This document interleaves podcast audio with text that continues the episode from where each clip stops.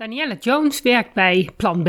Dat is een sociocratische school waar ze leren volgens eh, de manier waarop het kind het beste kan leren. En daarnaast is zij lid van de Vereniging voor Thuiszitters, Zoon. En Zoon is bezig met het realiseren van online onderwijs voor kinderen die nu buiten het schoolsysteem vallen.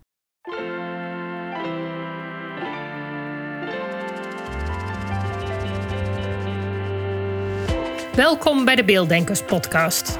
Ik ben Natasja Esmeijer van Beeldig Brein en de schrijfster van het boek Beelddenkers als kwartjes vallen. Ik neem jullie mee in de wereld van de beelddenkers. Beelddenkers zijn creatieve, intelligente en zorgzame mensen, maar ze hebben moeite met onze vluchtige, snelle maatschappij. Dat begint al op school en het werkt door in het werkende leven. Ik ga in gesprek met leerkrachten, ouders van beelddenkers en met de beelddenkers zelf natuurlijk.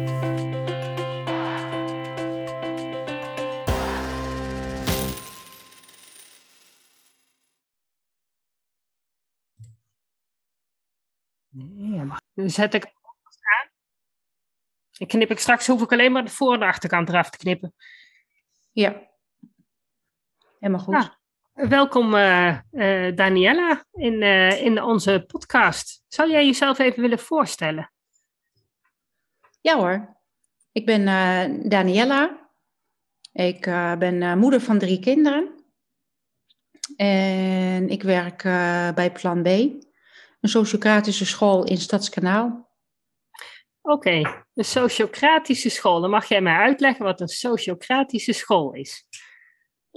Uh, het lijkt veel op een democratische school. Maar we hebben het sociocratisch genoemd, omdat we ook uh, op een sociocratische manier met elkaar om willen gaan. Dus vanuit gelijkwaardigheid en vertrouwen. Uh, gaan we met elkaar om. Dus dat geldt ook voor studenten, zo noemen we onze leerlingen. Ja. En zo gaan we ook met elkaar, uh, met elkaar om. Ja, en hoe oud zijn jullie leerlingen?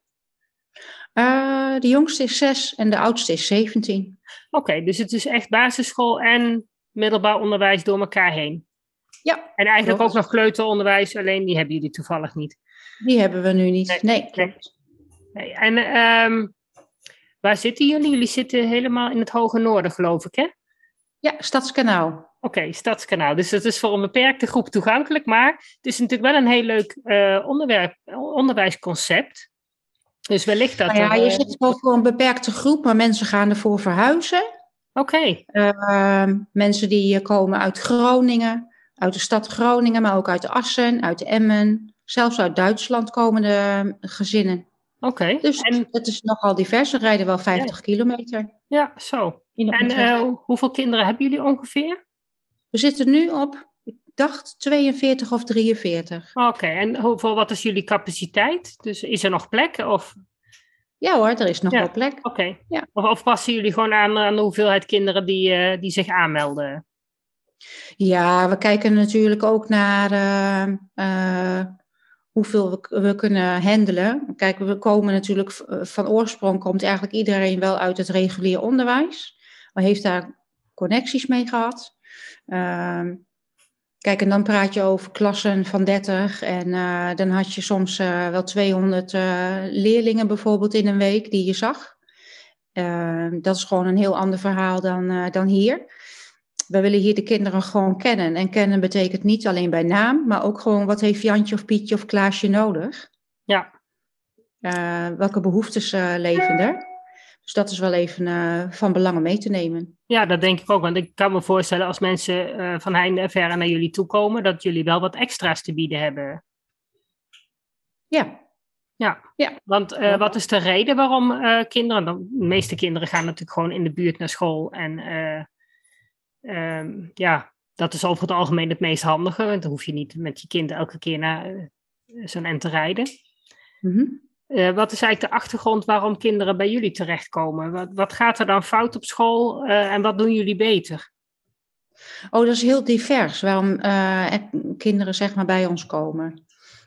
dat kan zijn omdat ze vastlopen in het regulier onderwijs. Of dat ze al vast zijn gelopen in het regulier. dat ze dus al thuis zitten zijn. Ja. En we hebben ook kinderen en ouders die bewust kiezen voor dit type onderwijs. Ja, ja, ik kan me ook voorstellen op het moment dat jij denkt als ouder van goh, ik, ik heb zo het vermoeden dat mijn kind anders leert en misschien niet in het regulier onderwijs past, dat je ook wil voorkomen dat je kind vastloopt. Ja, ja. dat klopt. Ja, weet jij... Uh... Heel best hoor, want het zijn, dat kan uh, door, uh, je kan vastlopen omdat je hoogbegaafd bent. Dat -hmm. zie je natuurlijk, tegenwoordig hoor je dat wel vaker, maar ook autisme. Of een chronische ziekte. Verschillende dingen die mee, meespelen of hooggevoelig zijn. Ja. Dus ja, dat is natuurlijk redenen waardoor ze uitvallen in het regulier. Uh, en ze komen weer, nou ja, zo noem ik het dan maar even, tot leven als ze weer bij plan B komen. Dus dat is gewoon heel mooi om te zien. Ja, zeker. Nou ja, wat, wat ik altijd zeg, het is van overleven naar terug naar leven.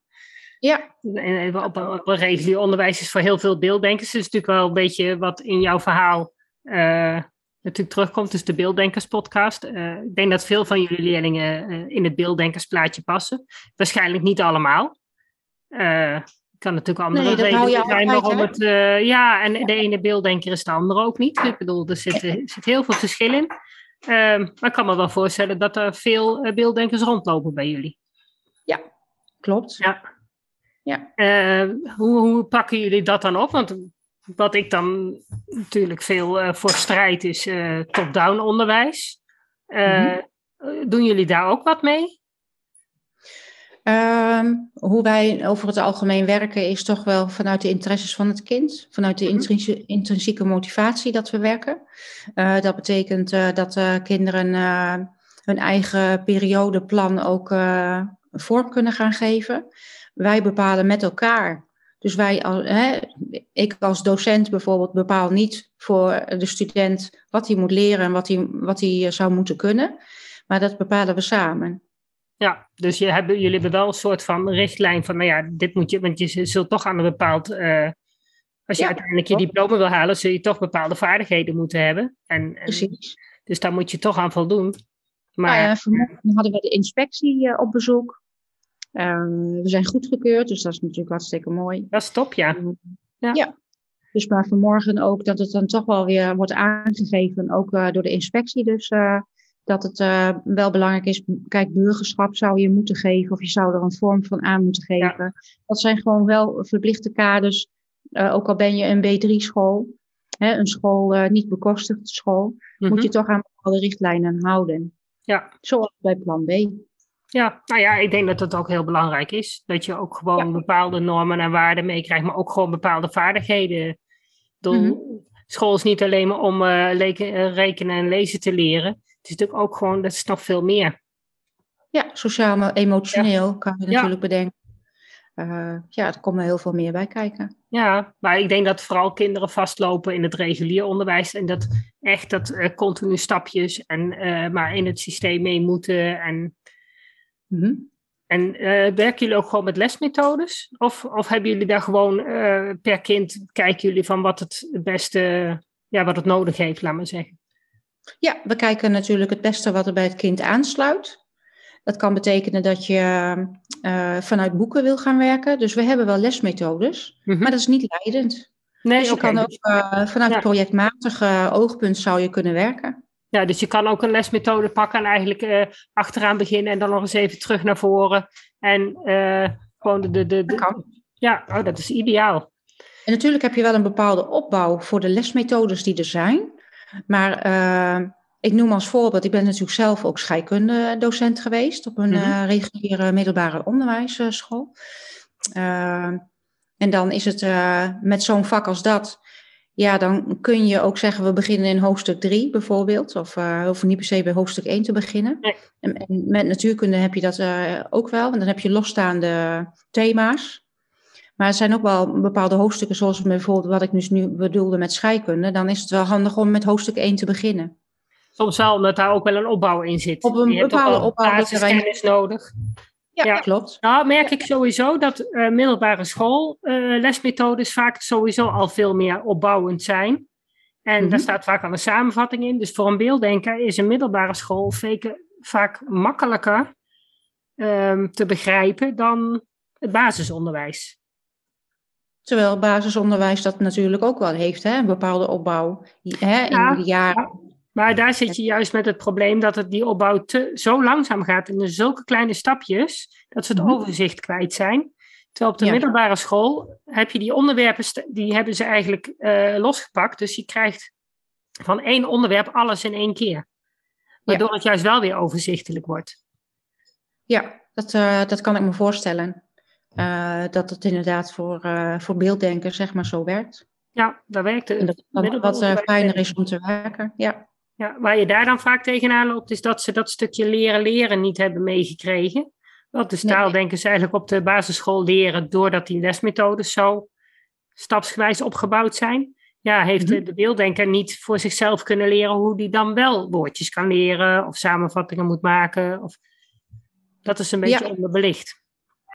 Ja, lesmethodes. Ehm, ja, middelbare school is denk ik makkelijker voor beelddenkers ehm, eh, de lesmethode, maar dan ja, het, het stukje eh, het zelf, eh, huiswerk komt er dan bij kijken natuurlijk. Hoe zit, hoe, Ja. wat doen jullie met huiswerk?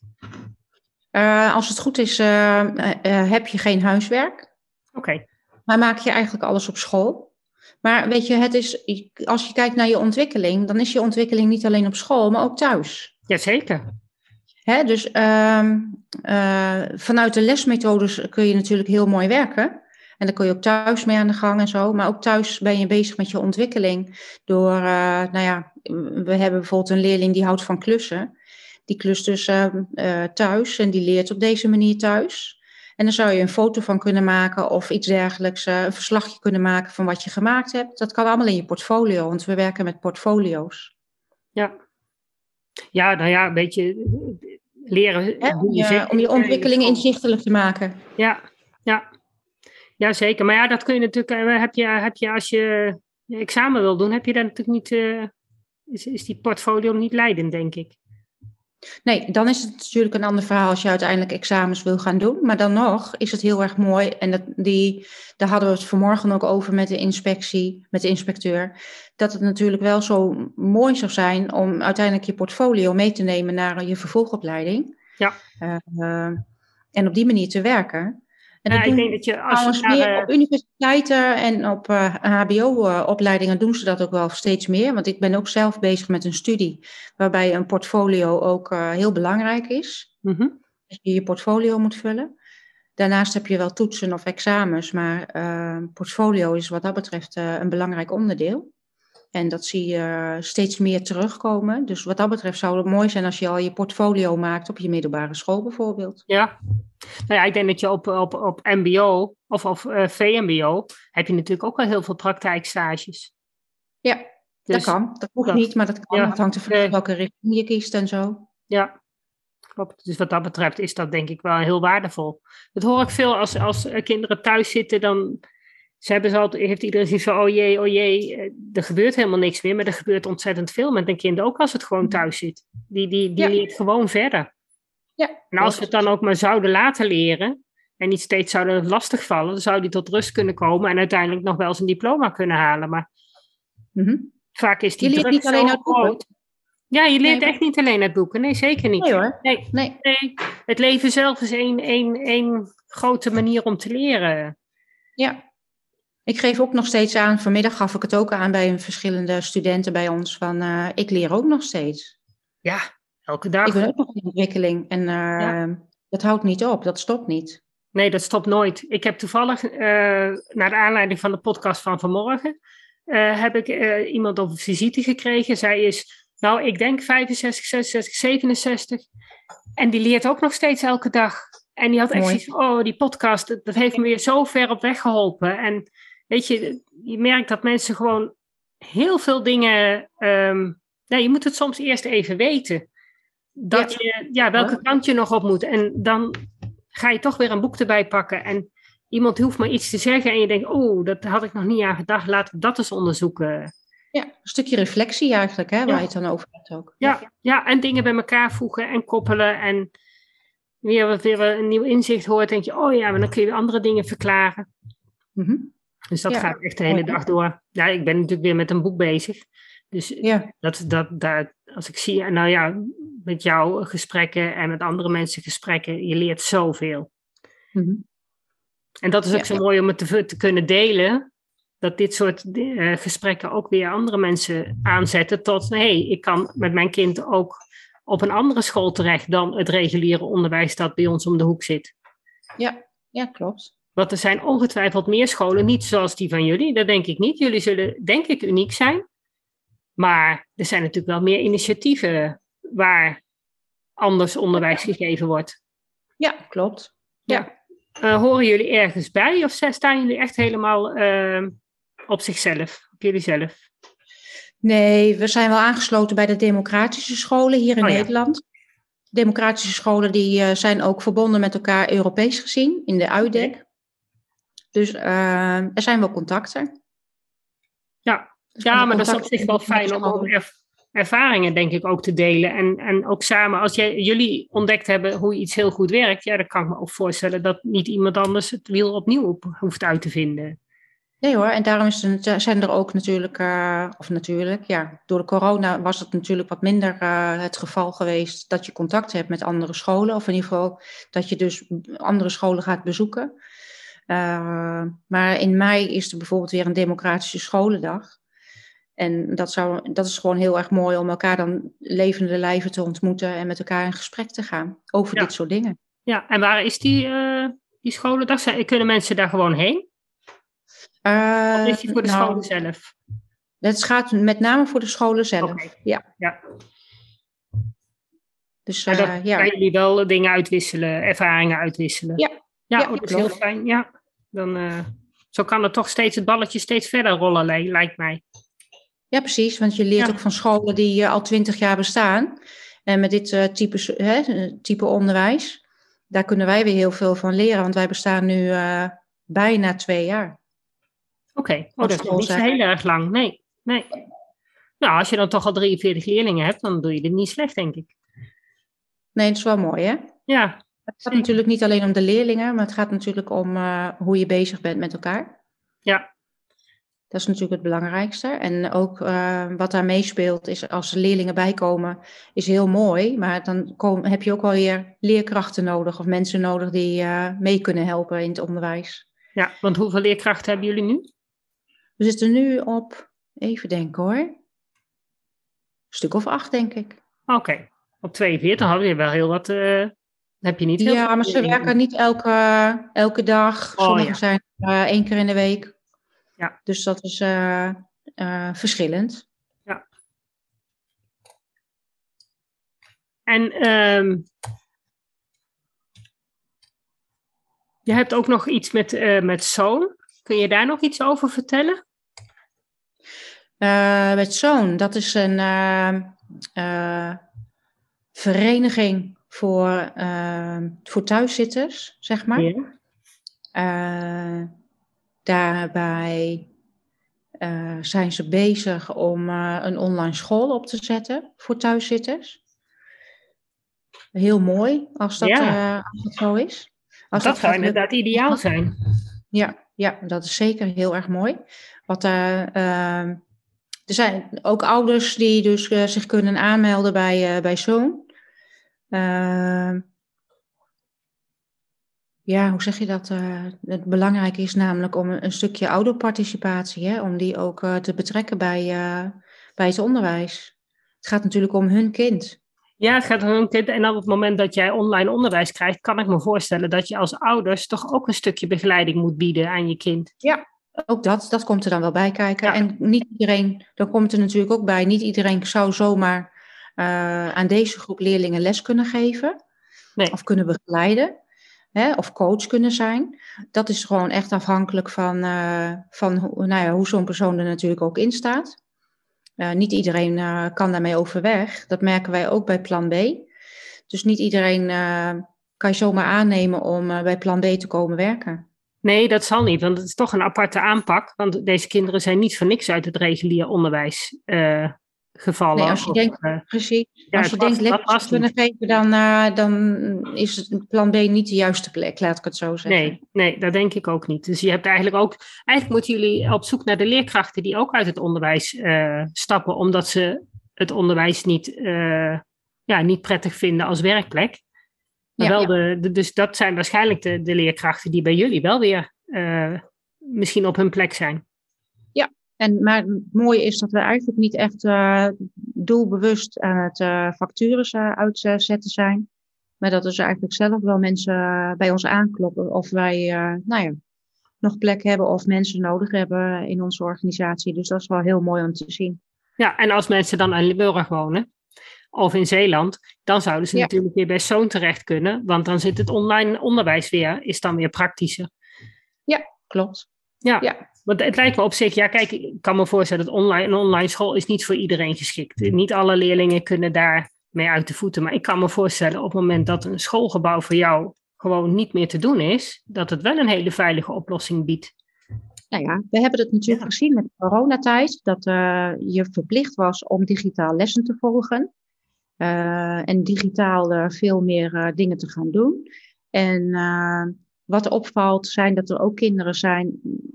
Enerzijds zijn er kinderen die dus daar niks mee hebben en niks mee kunnen. Mm Maar er zijn ook kinderen die juist weer opbloeiden in die tijd van de corona. En om, over die kinderen heb je het eigenlijk ook, hè, dan? Ja, ja klopt. want eh, die, die, die zijn er juist heel veel bij gebaat om digitaal onderwijs te volgen. Ja, zeker, omdat dan juist die prikkels wegvallen van een klas, klaslokaal.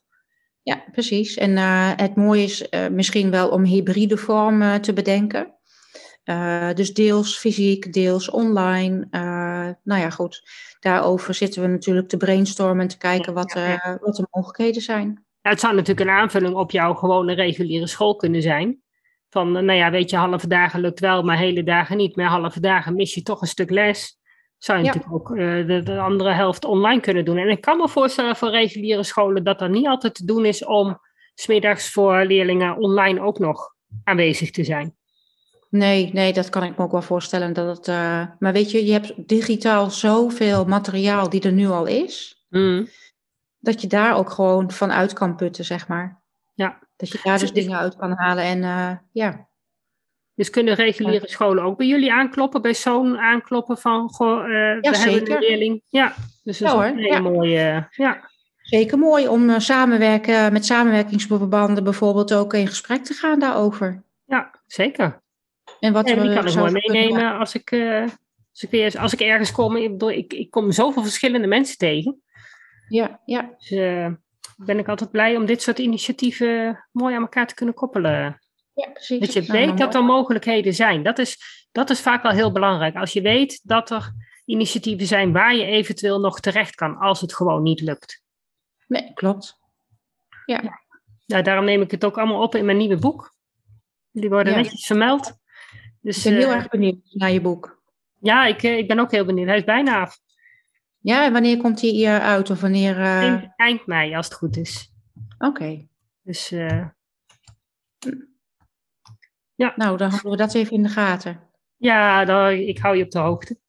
Ja, heel goed. Ik hou iedereen op de hoogte. Ja, precies. Ja, nee, zeker. Maar dat, uh, ja, dat zal dan mooi weer kunnen bijdragen ook aan jullie leerlingen misschien of, of, of voor de leerkrachten, dat je toch ook inzicht krijgt van ja, hoe zit het met die beelden. Ik neem aan dat jullie daar ongetwijfeld al best heel veel van weten. Ja, ja daar hebben we eh, natuurlijk ons wel in verdiept en zijn we natuurlijk nog steeds mee bezig. Ja, dat klopt.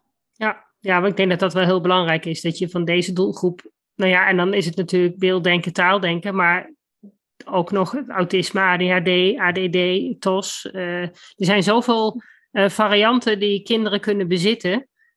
Waardoor het leren net even anders gaat. Dus het is best ook een hele ingewikkelde taak hoor, denk ik, als leerkracht. Van, om dat allemaal bij in de gaten te houden. Maar zolang je ervoor open staat en, en gewoon accepteert dat kinderen nu helemaal anders zijn, lijkt het me ook ineens wel weer een stuk makkelijker worden. Ja, dat is het ook. Dat is ook wel zo. Ja.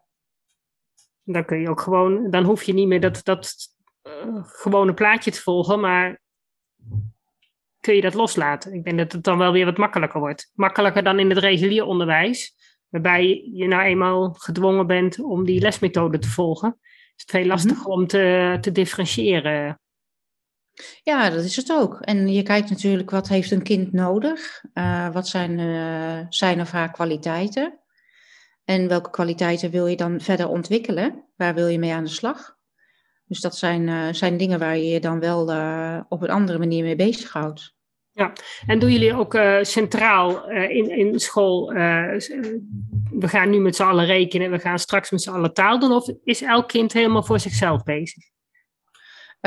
ze zijn of in groepjes bezig, of ze zijn inderdaad voor zichzelf bezig. dat kan ook afwisselen. Ehm, dat ze dus even met een groepje een bepaald onderwerp aansnijden of met een bepaald onderwerp bezig zijn, dat mhm. kan. Van de week zat ik met wat kinderen uh, met leren analoog klok kijken. Was ik met ze bezig te oefenen. En te kijken van, hé, hey, wat weet je al, wat, wat, wat, wat vind je lastig? Uh, en het is mooi om te zien dat ze dat dus zelf ook verder hebben opgepakt van de week. Ja, ja en dat is dan denk ik dan veel... groepje. Ja, en dan is het, de, bij de ene is het, uh, oh, ik denk, ik had dan in ieder geval iemand vandaag gesproken die zei tegen mij van nou, ik denk dat ik uh, de tafels maar even goed moet leren. Conclusie, want dan uh, gaat het met rekenen ook beter. En dan met klokkijken was het ook zo van hé, hey, ik begrijp nu beter het klokkijken, het analoge klokkijken. Ja. Ja, dus nou ja, dat, daarom, het linkt allemaal aan elkaar. Hè? En als je dat verband ziet en als, als kind denkt van, oh ja, maar dan heb je ook die motivatie om die tafels te gaan leren. Ja, precies. Ja, ja want dat, dat, dat is vaak, denk ik, dat, dat is nog veel makkelijker dan als een kind maar wil. Dat merk ik ook. Je hebt van die kinderen die, die gewoon heel veel moeite hebben en nog in dat, dat, dat negatieve proces zitten van ik wil het leren, vind ik allemaal maar niks, ik kan het toch niet. Ja, dan kun je mhm. uitleggen wat je wil, maar daar gaat helemaal niks in. Nee, het kwartje moet wel vallen natuurlijk. Ja, hè? ze zullen wel ergens uh, het idee moeten hebben van hé, hey, hier kan ik verder mee. Zo gaat het wel lukken. En dan krijg je eigenlijk bijna alles voor elkaar. Wat niet wil zeggen dat alles lukt. Nee, nee. Nou, ik zie het ook al een beetje bij mijn zoon. Een van mijn uh, kinderen die uh, uh, was elf en die kon nog niet veten strikken. Hij zag daar de, de, noodzaak ook niet van, totdat hij voetbalschoenen had. Want hij had altijd van die klittenband schoenen, zeg maar.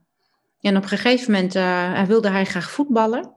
En toen kreeg hij dus uh, voetbalschoenen van iemand, maar die hadden veters. Nou, binnen een dag had hij veters uh, strikken geleerd hoor. Ja, ja en dat is dan ook het voordeel.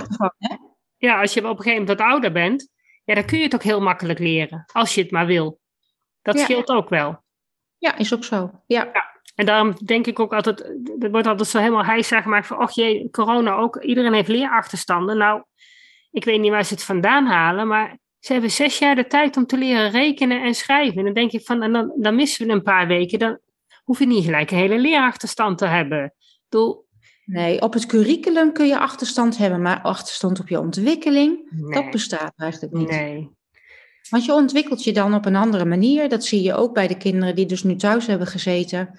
Uh, of dat nu volgens, uh, vanwege corona was of uh, op een andere wijze dat ze dus thuis kwamen te zitten dan zie je ook dat de ontwikkeling wel doorgaat. Maar ze zijn op een andere manier bezig met het ontwikkelen. Ja. Zo begeleid ik bijvoorbeeld een meisje die is helemaal gek van paarden, zit thuis, is hoogbegaafd. Uh, en uiteindelijk komt dat vanzelf wel dat ze, nou ja, even de boek erbij pakt en dat ze toch wel nieuwsgierig uh, wordt om bepaalde dingen toch te weten. In dit geval bijvoorbeeld voor de biologie. Uh, en ze is op een hele andere manier bezig gegaan met haar ontwikkeling omdat ze nu uh, elke woensdagmiddag, geloof ik, naar de manege gaat en daar uh, meehelpt. Dus op sociale contacten heeft ze dus weer een beetje. En uh, ze ontwikkelt zich op deze manier. En dat is heel mooi om te zien. Ja. ja, en dat lezen en dat schrijven en dat rekenen, dat komt dan. Dat kan ook vaak een hele grote stappen ineens. Precies, dat precies. Ja. Dat. Dus als ze wat ouder zijn, nou ja, weet je, en, en ze hebben ineens die motivatie, dan lukt het ineens. Ja, ja. is het ook. Daar heb je echt die hele opbouw niet voor nodig. Nee, nee. En ik zie dat bij mezelf nu ook wel zo. Ik ben van origine ben ik medisch analist. En uh, voordat ik uh, in het uh, onderwijs terecht kwam. En voor mijn opleiding moest ik ook natuurkunde, het vak natuurkunde moest ik wel hebben. En dat had ik niet. Had ik nog nooit gehad op de MAVO of HAVO. Nee. En ik, heb, ik heb dus een soort, nou ja, snel uh, cursus gehad voor natuurkunde, zeg maar, in die tijd. En uh, nou ja, omdat ik dat ook wilde, en ik zag ook de noodzaak daarvan, is, dat, is het me ook gelukt. Ja, ja, en dan kun je in een paar maanden tijd, omdat je al een stukje verder bent in je ontwikkeling, kun je ook heel makkelijk overzien hoe het allemaal in elkaar grijpt. Ja. En dan heb je het eigenlijk vrij vlot in de, eh, in de gaten hoe het eigenlijk allemaal zit. En dan heb je al Ja. die, die jaren. En natuurlijk snap ik, als je op het lagere school, zoals je in groep 3 zit, dan heb je een beperkte capaciteit qua ontwikkeling. Dus daar Ja. houden ze zich netjes aan.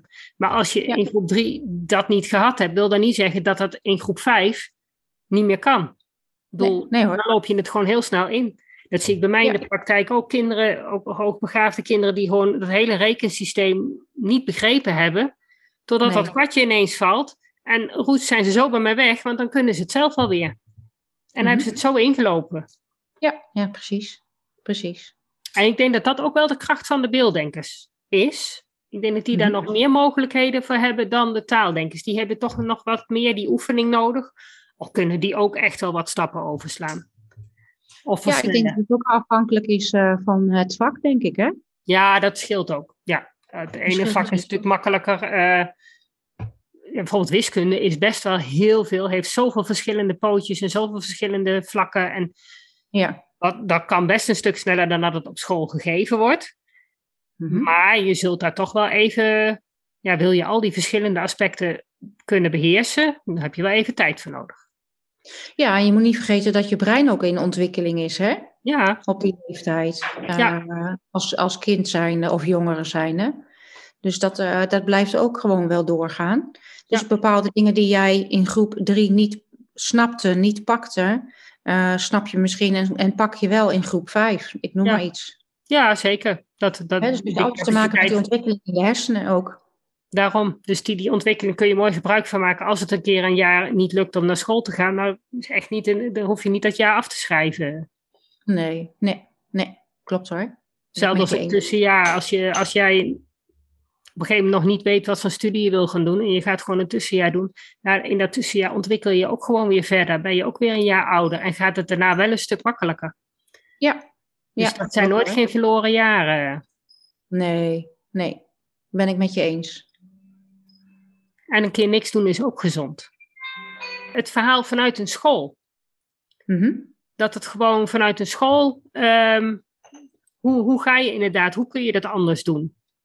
Ja.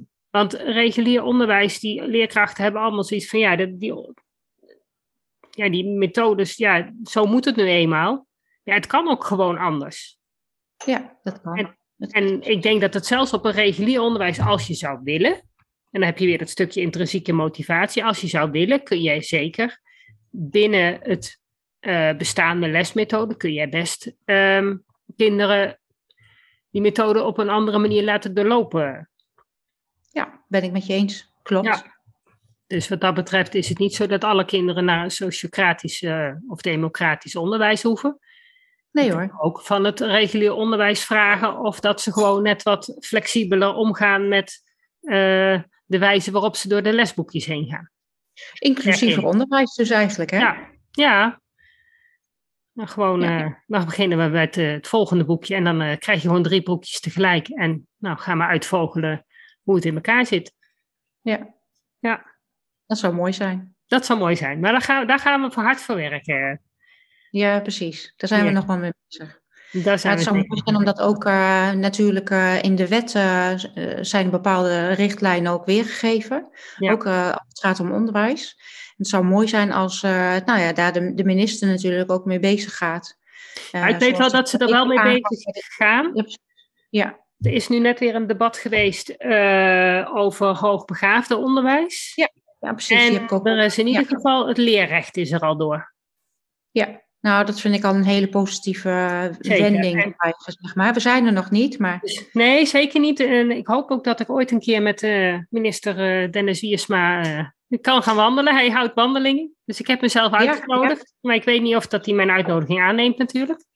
Nee. Ehm, maar dat zou natuurlijk een hele mooie zijn om hem gewoon... eh, want nu gaat het alleen maar over hoogbegaafden. En dan heb ik zoiets van ja, maar er zijn veel meer beelddenkers. En niet Ja. alleen de hoogbegaafden lopen vast. Maar Nee, ook hoor. de rest van de beelddenkers lopen vast. En dan vind ik het zo jammer dat dat weer een, eh, iemand weer een labeltje moet hebben. Voordat er dan weer wat gedaan wordt. Dus ik hoop dat Ja, dat nog breder getrokken wordt. En Ja. dat, en, nou ja, goed, ik weet, ik heb laatst ergens weer iets langs zien komen dat hij samen met ehm, Robert Dijkgraaf om de tafel gaat zitten. Uh, en dat ze er samen over gaan helpen. Ik weet dat er, uh, Dennis Wiers maar heel actief is in dit, uh, om het echt aan te gaan pakken. Dus ik ja. hoop ook dat hij resultaat gaat boeken. Dat hoop ik ook.